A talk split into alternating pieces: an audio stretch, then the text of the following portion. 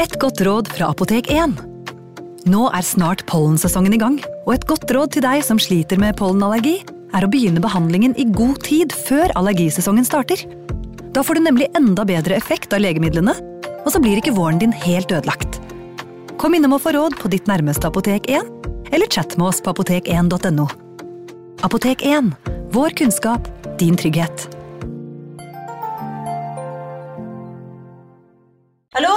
Jeg kommer fra Oslo politikammer. Ine Jansen er purk. Er du purk? The motherfucking bitch. Alt jeg vil, er å finne ut hva som skjedde med mannen min. Jon Carew. Er jeg sikta for noe? Iben Akeli. Det er du. Ole So, Lars Berrum og Big Daddy Karsten. Hvem sin side er du på, egentlig? Anette Hoff, Tone Danielsen, Kommer du fra Afrika? Jørnis Josef, Nesten kløfta. Trond Espen Seim, Det er synd å si det, men det var feil mann som døde. Purk. Premiere tirsdag på TV2 Play.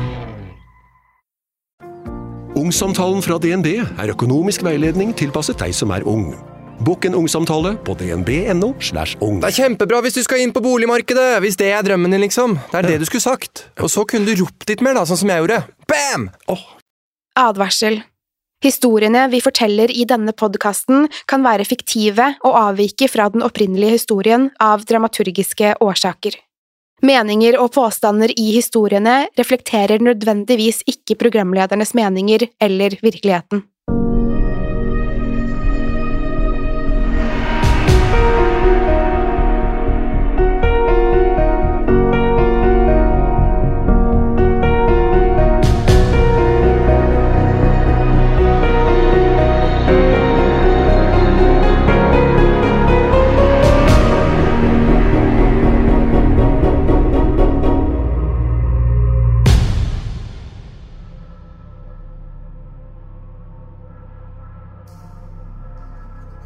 Hadde alltid visst at min oldemor var foreldreløs, men jeg hadde aldri hørt hele historien.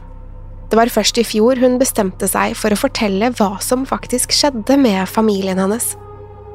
Det var bursdagen hennes, og hele familien kom som vanlig på besøk. Hun bodde et stykke unna, men det var hennes 98. bursdag, så vi innså nok alle sammen at hun ikke hadde altfor mange igjen å feire. Som barn hadde reisen vært noe jeg gledet meg til, men etter hvert føltes det mest som noe vi gjorde av plikt og tradisjon. Vi kjørte i timevis og passerte endeløse åkre som strakk seg så langt øyet kunne se. Oldemors hus lå i enden av en støvete landevei, flere kilometer unna hovedveien. Jeg har alltid bodd i byen, og dette var det aller mest landlige huset jeg kunne forestille meg. Oldemor ble født her og kom sannsynligvis til å bo i det huset så lenge hun levde. Vi parkerte midt på den gjørmete gårdsplassen og gikk ut av bilen for å strekke på beina. Det slo meg hvor lite som hadde endret seg her i løpet av alle disse årene. Så lenge jeg har levd, har huset sett helt likt ut. Over oss var det en knallblå himmel, og vi var omringet av gylne kornåkre som svaiet i vinden. På gårdsplassen var oldemors hus, en låve, en gammel traktor og en bjelle. Bjellen hang langt over bakken fra en gammel jernkrok. Den sto noen hundre meter ut i åkeren og skulle opprinnelig måle vindstyrken. Hvis det var i ferd med å blåse opp til storm, ville bjellen begynne å ringe som en forvarsel. Vær og vind hadde satt sitt preg på bjellen, og etter hvert hadde den rustet fullstendig. Jeg vet ikke hvorfor, men synet av den fylte meg med et ubehag. Hver gang jeg gikk ut av bilen, falt likevel blikket mitt på den gamle bjellen. I 26 år hadde jeg studert bjellen, og for hvert år ble den mer og mer rusten. Jeg ble derfor overrasket da jeg så at bjellen glinset i sollyset. Den hang der nypolert og fri for rust. Vi gikk inn til oldemor, men jeg klarte ikke å slutte å tenke på bjellen. Hvem var det som hadde fikset den, og hvorfor? Jeg fortsatte å tenke på det mens vi samlet oss på kjøkkenet. Oldemor laget mat, og hun nektet som vanlig å la oss hjelpe til. Hun begynte åpenbart å bli skrøpelig, men hun var vant til å ta seg alt. Hun ba oss om å gå inn i stuen og stirre på telefonene våre, så vi ikke kunne forstyrre henne. Jeg og broren min gjorde som vi ble fortalt, men foreldrene mine bestemte seg for å skru på TV-en. Vi sonet ut i noen minutter før oldemor ropte at maten var klar. Vi samlet oss rundt spisebordet og nøt måltidet. Det ble kveld, og alle la seg for å sove. Jeg lå på gjesterommet sammen med broren min da jeg la merke til et glødende lys fra døren. Jeg slet med å sove og bestemte meg for å undersøke hva som foregikk. Jeg listet meg ned trappen og inn i stuen hvor jeg fant oldemor. Hun var fremdeles våken og satt i en stor skinnstol og stirret på TV-en. Hun begynte å snakke uten å se på meg. Du faller ikke for sånn tull, gjør du vel? For hva da, reklame? spurte jeg lettere forundret. Hun strakte ut armen og pekte mot sofaen. Sitt, sa hun med en litt skrøpelig stemme. Jeg gjorde som hun beordret. Jeg skal fortelle deg en familiehemmelighet, sa hun plutselig. Det var først nå hun rev blikket vekk fra TV-skjermen. Jeg deler den med deg og kanskje broren din, men du må ikke si noe til foreldrene dine. Er det forstått? Jeg var ikke helt sikker på hvordan jeg skulle reagere, men jeg nikket likevel. Du vet sikkert at jeg mistet familien min da jeg var ung. Jeg ble født i dette huset og bodde sammen med familien min frem til jeg var ti år. Det var bursdagen min, og jeg hadde gledet meg til den store dagen. Moren min hadde laget en liten kake på størrelse med en knyttneve. Det var sjelden vi fikk søtsaker på den tiden, og kaken den var et av høydepunktene i livet mitt. Jeg vet at foreldrene mine egentlig ikke hadde råd til dette, men moren min kjøpte likevel en kake til meg og søsknene mine hvert eneste år. Da det ble 29. oktober og det var tid for bursdagen min, ble jeg så oppspilt at jeg hoppet rundt i huset som en kanin. Jeg gledet meg hele dagen, men jeg fikk ikke lov til å smake før etter middag. Hele dagen stirret jeg på klokken, og jeg husker fremdeles at solen gikk ned eksakt klokken 6.41. Det oransje lyset fra solnedgangen forsvant, og moren min gikk for å tenne en lampe. Jeg håpet at tiden var inne, men moren min smilte og ristet på hodet. Brødrene og søstrene mine begynte også å mase, men moren min nektet å lytte. Hun insisterte på at kaken ville ødelegge appetitten min. Snart kom faren min inn etter en lang dags arbeid ute i åkrene. Han var møkkete og sliten og satt der i stillhet mens vi spiste. Vi kaklet i vei om kaken og forsøkte å gjette hva som skjulte seg under glasuren. Kanskje det var bringebær eller vanilje, eller kanskje sjokolade. Vi ble stille da faren min nesten var ferdig med å spise. Jeg studerte tallerkenen hans mens han skrapte i seg de siste bitene, han tok den siste kjøttbiten på gaffelen og holdt den over en liten dråpe saus. Plutselig hørte vi noe utenfor, og alle vendte blikkene mot lyden. Det var lyden av bjellen som ringte. Far gryntet før han la den siste matbiten tilbake på tallerkenen. Han reiste seg og gikk mot inngangsdøren. Han åpnet den forsiktig, og vi forberedte oss på et kraftig vindkast. Men vi verken kjente eller hørte vinden ule. Far stakk en finger i været før han ristet på hodet. Vi spurte om det kom til å blåse opp til storm, men mor smilte og ristet på hodet. Hun forklarte at det ikke ville bli noen storm så lenge det ikke blåste. Men bjellen fortsatte å ringe ute på åkeren. Faren min dyppet kjøttbiten i sausen og skulle til å sluke den. Han forsøkte å ignorere ringelyden, men det var åpenbart at den plaget han. Han la kjøttstykket tilbake på tallerkenen og gestikulerte til storebroren min. Carl skjønte hva far ville si. Han skulle gå ut og knyte fast bjellen så den sluttet å ringe. Carl reiste seg fra bordet og fant frem et stearinlys før han gikk mot døren. Alle barna stormet mot vinduet og åpnet det forsiktig. Fremdeles var det bare en kjølig kveldsbris utenfor. Vi fulgte det lille stearinlyset mens det beveget seg gjennom mørket i retning av bjellen og kornåkrene. Endelig ga den metalliske klirringen seg mens lyset fortsatte å sveve ut i mørket. Hvorfor bruker han så lang tid? spurte til slutt Ruth. Kanskje han sliter med knuten, foreslo Elinor. Det gikk flere minutter uten at Carl kom tilbake. Etter hvert begynte den lille flammen fra stearinlyset å stige til værs. Ingen av oss skjønte hva som foregikk da flammen fortsatte oppover og forsvant over hustaket. Det hadde vært stille i noen minutter, men nå begynte bjellene å ringe igjen. Knuten var løsnet, ropte Arthur. Vi ropte på foreldrene våre, som endelig kom for å se hva som foregikk. Men da de kikket ut av vinduet, var det ikke lenger noe å se. Far ga Arthur en parafinlampe og ba han om å undersøke hvor det ble av Carl. Arthur skyndte seg ut døren og fortsatte mot bjellen. Vi ble sittende i vinduet mens vi fulgte lampen med blikket. Lyset fra parafinlampen var kraftig, så det var ikke noe problem å se hvor Arthur befant seg. Og så snart han var ute ved bjellen, sluttet den å ringe. Jeg pustet lettet ut og tenkte at alt kom til å ordne seg. Kanskje vinden bare hadde grepet tak i veken og blåst den opp i luften.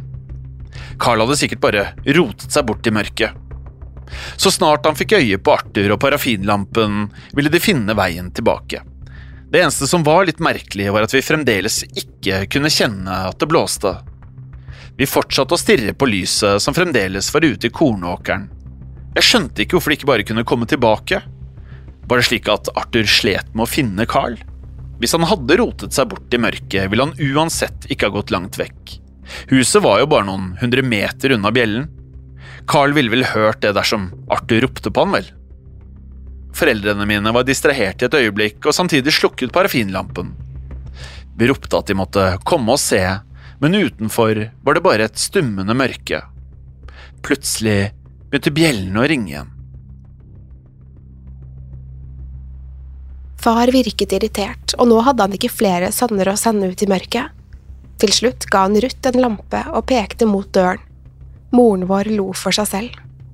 Ruth, kan du være så snill å hente de tullete brødrene dine, sa hun uten bekymring i stemmen. Ruth nølte et øyeblikk før hun tok imot lampen.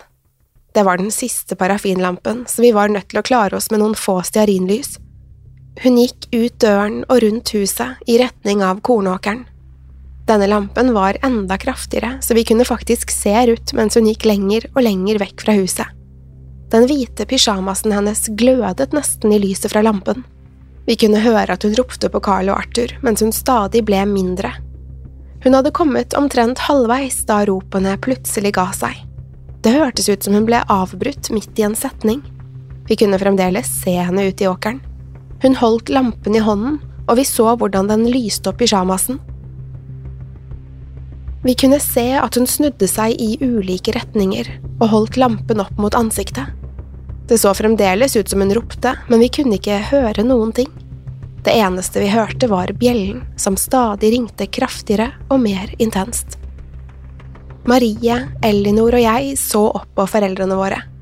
Nå begynte jeg virkelig å bli skremt, men faren min bare ristet på hodet og åpnet munnen for første gang den kvelden. Så det blåser visst likevel, sa han. Det må være veldig lokalt. Det blåser så kraftig der ute at vi ikke kan høre stemmen hennes. Faren min var som vanlig helt rolig, men mor virket bekymret. Hun nikket likevel og så ut til å være enig med fars forklaring. Jeg var ikke overbevist, men turte ikke å si noe. Jeg var uansett fiksert på det som foregikk utenfor vinduet. Ruth hadde kommet seg helt bort til bjellen. Lyset fra lampen traff bjellen, og i samme øyeblikk sluttet den å ringe. Vi kunne se den tydeligere nå. Den hang helt stille, og det var ingen tegn til at det blåste der ute. Jeg så at Ruth kikket seg rundt i alle retninger. Det var noe desperat med bevegelsene hennes som fikk henne til å virke bekymret. Det så ut som hun forsøkte å rope noe før hun gikk nærmere bjellen. Hun grep tak i tauet som Carl og Arthur hadde forsøkt å knytte fast. Selv om jeg kunne se mer i lyset fra parafinlampen, så jeg ingen av guttene der ute. Ruth satte ned lampen på bakken og forsøkte å knyte fast tauet til stolpen. Kornet dekket for lampen og gjorde det igjen vanskelig å se hva som foregikk der ute. Vi holdt pusten mens vi ventet på at noe skulle skje. Etter hvert begynte det å svi i lungene mine, og til slutt var jeg nødt til å ta et nytt åndedrag. Parafinlampen sto fremdeles på bakken, men var bare så vidt synlig gjennom kornet. Hvorfor tar det så lang tid? spurte Marie. Jeg håper det ikke har skjedd noe. Det går fint med henne, de dumme ungene prøver bare å tulle med oss, skjøt faren min inn. Moren min nikket i enighet. Elinor, kan du gå og hente søsteren din? Elinor ristet på hodet.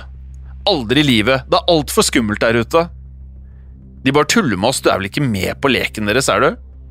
Elinor svelget tungt før hun ristet på hodet. Så gå og hent søsknene dine. Be de komme tilbake hit med en eneste gang. Det var bekmørkt utenfor, og nå var det nesten like mørkt inne i huset. Elinor skalv idet hun plukket opp det siste stearinlyset. Hun gikk motvillig i retning av døren og ut i mørket. Jeg hørte at hun presset seg mot husveggen for å holde seg så nærme oss som mulig. Stemmen hennes skalv idet hun begynte å rope etter de andre. Ruth, Arthur, Carl, er dere der? Det er ikke morsomt. Nå var det helt mørkt inne i huset også. Vi ble alle mer anspente mens Elinor beveget seg lenger og lenger vekk. Døren slo opp, og moren min løp for å stenge den. Hun smalt igjen døren og låste med en krok fra innsiden. Jeg vet ikke hvorfor hun gjorde det, det ville jo bare gjøre det umulig for Elinor og de andre å komme seg inn igjen. Men jeg regnet med at hun ville låse opp igjen så snart noen banket på døren. Bjellen fortsatte å ringe, og mor begynte å lete etter flere stearinlys. Jeg kjente at hjertet slo fortere, og jeg grep tak i Marie sin hånd.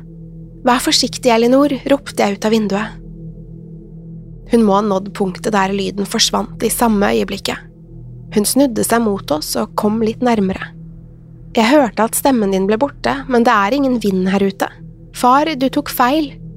Hun gikk litt lenger ut igjen. Se, når man kommer ut hit, blir alt stille.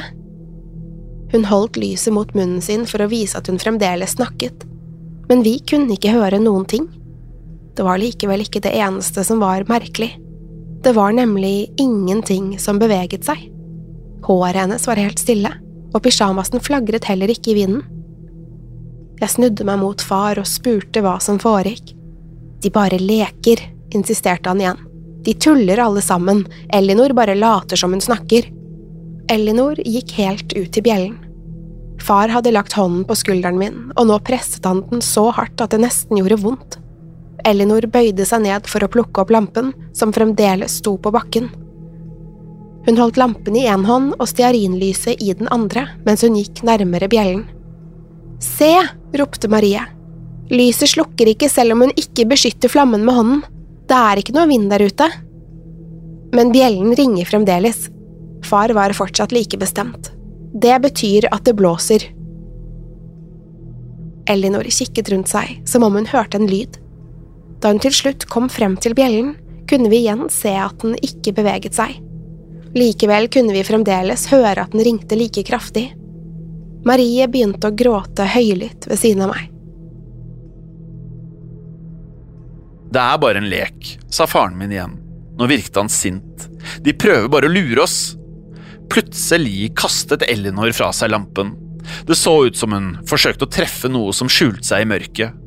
Vi så at lampen falt i bakken og knuste før flammen slukket.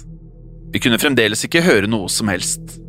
Hun løp mot oss med stearinlyset i hånden, men flammen slukket på veien. Vi ventet i spenning på at hun skulle dukke opp igjen, men vi kunne verken se eller høre henne. Det eneste vi hørte, var lyden av bjellen.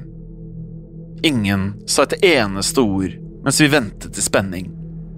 Snart kom moren min tilbake og ga hver av oss et stearinlys. Vi satt helt stille ved vinduet uten at noe skjedde. Bjellen fortsatte å ringe i flere timer uten at det var noen tegn til at vinden økte. Ute var det fremdeles helt mørkt, og for hvert minutt ble ringingen kraftigere. Da det nærmet seg midnatt, var vi alle lei av å vente. Faren min var rasende og klarte ikke lenger å være stille. Marie, gå ut og hent søsknene dine. Nei, ropte hun, jeg tør ikke.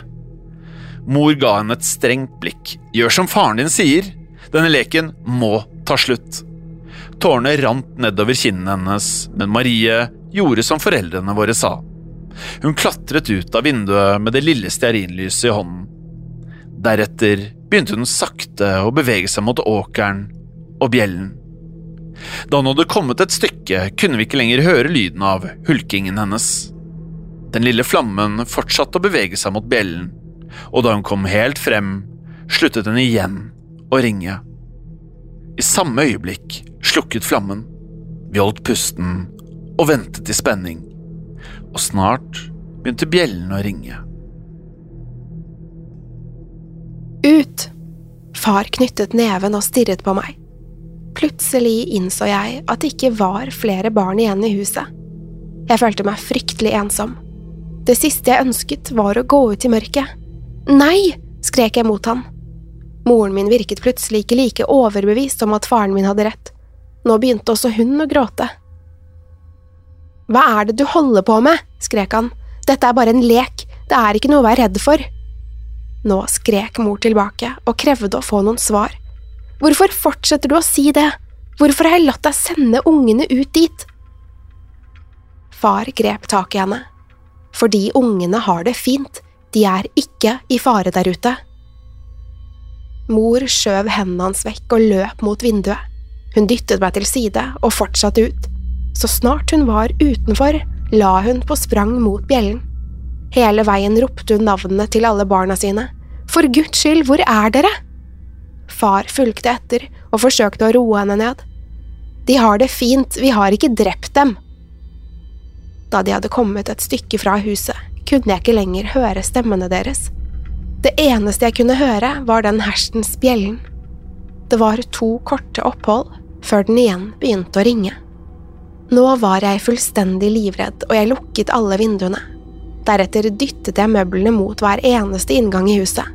Så krøllet jeg meg sammen i et skap og stirret inn i flammen på stearinlyset, mens den sakte smeltet nærmere fingrene mine. Jeg hadde vært vitne til at hele familien min forsvant, én etter én. Likevel hadde foreldrene mine sendt søsknene mine ut i mørket. Vi hadde alltid vært en stor gjeng, og nå var jeg helt alene i det lille huset vårt. Klokken nærmet seg tre da det banket på døren. Det gikk kaldt nedover ryggen min, men jeg passet på å ikke lage en lyd. Jeg talte isteden hjerteslag, og da jeg hadde kommet til 40, banket det igjen på døren. Denne gangen var det kraftigere. Hele kroppen min skalv, og jeg festet grepet rundt stearinlyset. Tredje gang det banket på, var det som kraftige slag og spark. Til slutt hørte jeg at døren slo opp. Jeg talte 60 hjerteslag uten at jeg hørte en lyd, men så begynte gulvplanken å knirke. Jeg følte at jeg burde blåse ut lyset så ingen ville se lyset gjennom sprekkene. Jeg lot det likevel brenne, ellers ville jeg være fanget i mørket. Fottrinnene fortsatte gjennom huset, men stanset av og til for å lytte. Innimellom hørte jeg en kort sprint før det igjen ble helt stille. Jeg fortsatte å telle hjerteslag, og denne gangen kom jeg helt til 400. Men så begynte bjellene å ringe. Det var enda høyere nå, og det hørtes ut som det kom fra innsiden av huset. Det ringte fra kjøkkenet, fra soverommet, og så kom det nærmere og nærmere skapet. Ti meter unna, og så fem, og til slutt var det rett utenfor. Så begynte skapdørene å åpne seg. Jeg satt der med munnen og øynene vidåpne og ventet på at hun skulle fullføre historien, men til slutt så innså jeg at den allerede var over. Hva var det du så? spurte jeg til slutt. Oldemor bare ristet på hodet. Det er ikke poenget. Jeg er her, så det betyr at jeg overlevde. En ung mann som deg trenger ikke å høre om alt det grusomme som eksisterer i verden. Jeg svelget tungt. Er du seriøs? Skjedde virkelig alt dette? Ja, svarte hun kort. Blikket hennes rettet seg igjen mot TV-en. Men det er noe jeg vil fortelle deg. Noe du også burde dele med broren din. Det var en forferdelig skapning som åpnet skapdøren og stirret mot meg. Den håpet at lyset mitt ville brenne før solen sto opp. Skapningen hadde en bjelle knyttet rundt en av tennene sine. Den var festet med en blodig fille og ringte hver gang den åpnet munnen. En stakkars heltemodig person må ha knyttet den der som en advarsel til alle andre. Vi hørte bjellen hele natten, likevel vandret familien min ut i mørket én etter én. Vi hørte advarselen, men nektet å lytte. Faren min må ha innsett hva som foregikk, men klarte ikke å akseptere hva han hadde gjort. Det var lettere for han å forbli i løgnen, selv om det kostet hele familien livet. Jeg så på henne med smale øyne. Hva er det du sier? spurte jeg til slutt. Hun grep tak i hånden min. Frykten vil fortelle deg at du må blåse ut lyset, men hodet ditt vil råde deg til å la det brenne. Ikke la frykten ta overhånd. La lyset brenne, så kommer alt til å gå fint. Jeg snudde hodet mot vinduet og ble plutselig klar over lyden i det fjerne. Er det bjellen? Jeg hadde vært for opphengt i oldemors historie til å høre lyden før nå. Hvor lenge hadde den ringt? Oldemor knyttet bare neven og vendte blikket mot TV-en.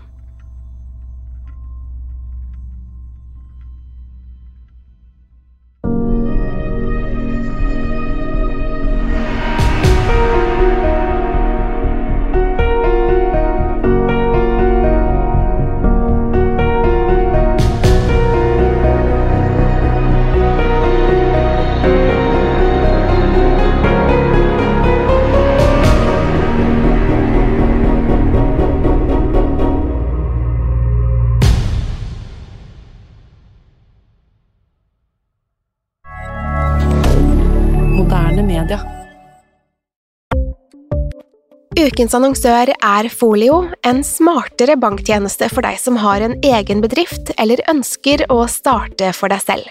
Folio er en superenkel nettbank for bedrifter. Som kunde i Folio får du en bedriftskonto med et bedriftskort og app. I denne appen er det smarte løsninger som forenkler regnskapet ditt, uansett om du har en liten bedrift eller et enkeltpersonsforetak.